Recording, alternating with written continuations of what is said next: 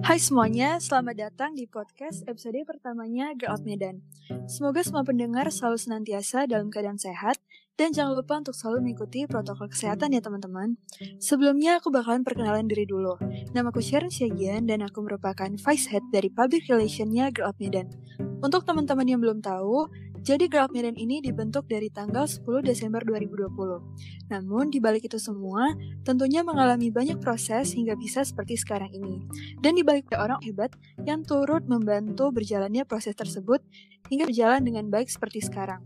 Langsung aja untuk tahu lebih lengkap mengenai Girl Medan, di sini aku ditemenin sama dua teman aku, Lydia Sitoru selaku Presiden Girl Up Medan, dan Gaby Natalin selaku Vice Presidennya Girl Up Medan.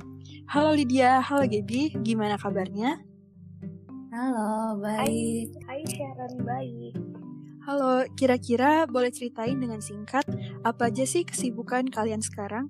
Dulu nih. Lydia dulu. Oke. Okay. Halo semuanya, nama aku Lydia. Aku mahasiswi tahun ketiga di Universitas Indonesia, uh, Fakultas Ekonomi dan Bisnis, jurusan ekonomi. Sekarang mahasiswa double degree. Aku lagi um, ngerjain tahun ketiga dan tahun keempat aku di University van Art di Belanda. Terus sekarang kesibukannya ikut beberapa organisasi. Aku juga lagi intern di lembaga pemerintahan. Sekarang lanjut ke Gaby. Oke, okay. hai semuanya. Uh, nama aku Gabriel Natalin. Di sini aku sebagai Vice President dari Girl Medan. Uh, aku uh, mahasiswi Universitas Indonesia juga. Uh, aku dari uh, vokasi jurusan akuntansi. Uh, untuk kesibukan sendiri, aku sekarang lagi magang di salah satu kantor akuntan publik di Jakarta. Keren ya, jadi di tengah kesibukannya tetap bisa nge-handle Girl Medan. Nah, mungkin banyak teman-teman pendengar yang hanya tahu Girl Out Medan itu sebatas nama.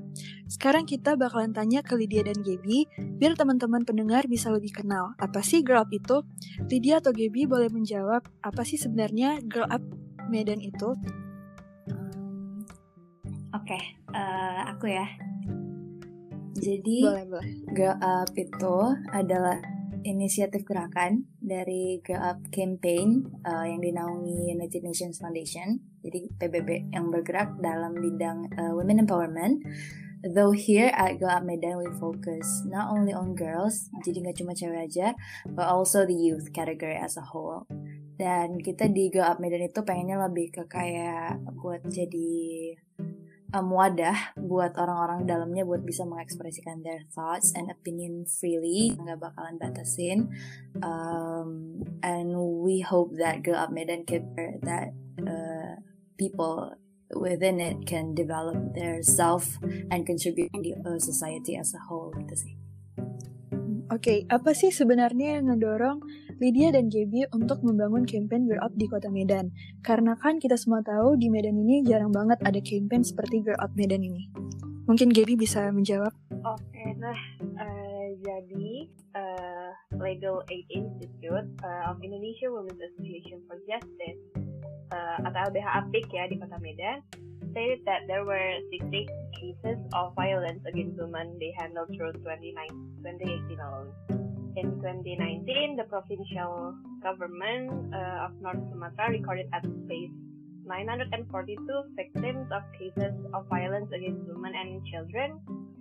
Nah, uh, ternyata according to a research, lack of public awareness of related issues and lack of media involvement in coverage and dissemination of information on related topics are the obstacles in implementing the handling of cases of violence especially against women and children.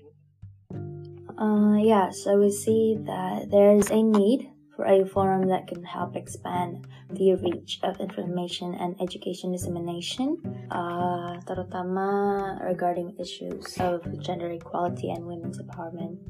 Jadi, movement kita ini is expected to have a progressive impact both for the people of Medan City and the internal uh, of Girl Medan. Oke, okay, semoga terrealisasikan ya dari terbentuknya Amin. Girl Up Medan ini. Kalau boleh tahu, um, yang ngajak bikin Girl Up duluan ini Gaby atau Lydia ya?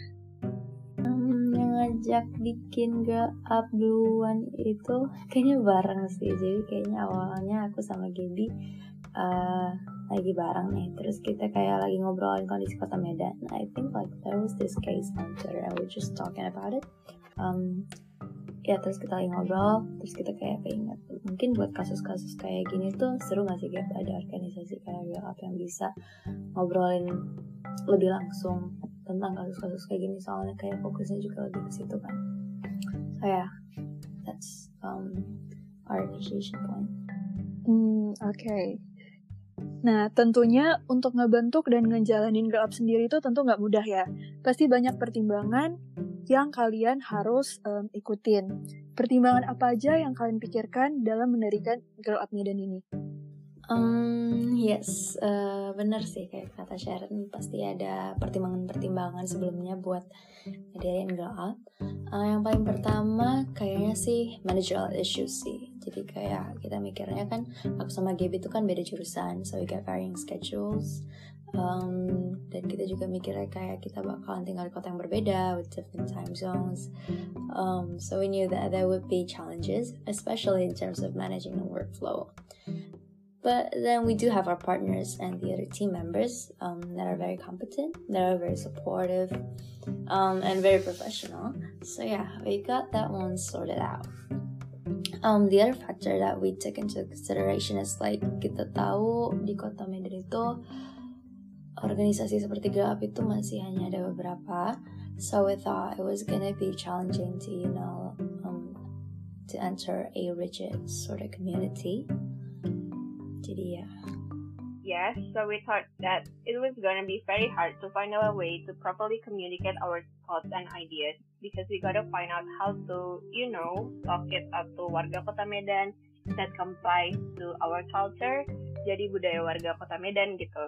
Nah, but then again, through proper communication, we got that sorted out as well. Pertimbangan lain yang, well, this is like a major consideration ya itu kepekaan terhadap isu pemberdayaan perempuan itu sendiri sih. Terkhususnya lagi di kota Medan. Kita sadar banget, we live in a society who have a strong old value di mana perempuan masih rentan terhadap objektifikasi dan ketidakmerdekaan dalam melakukan sesuatu.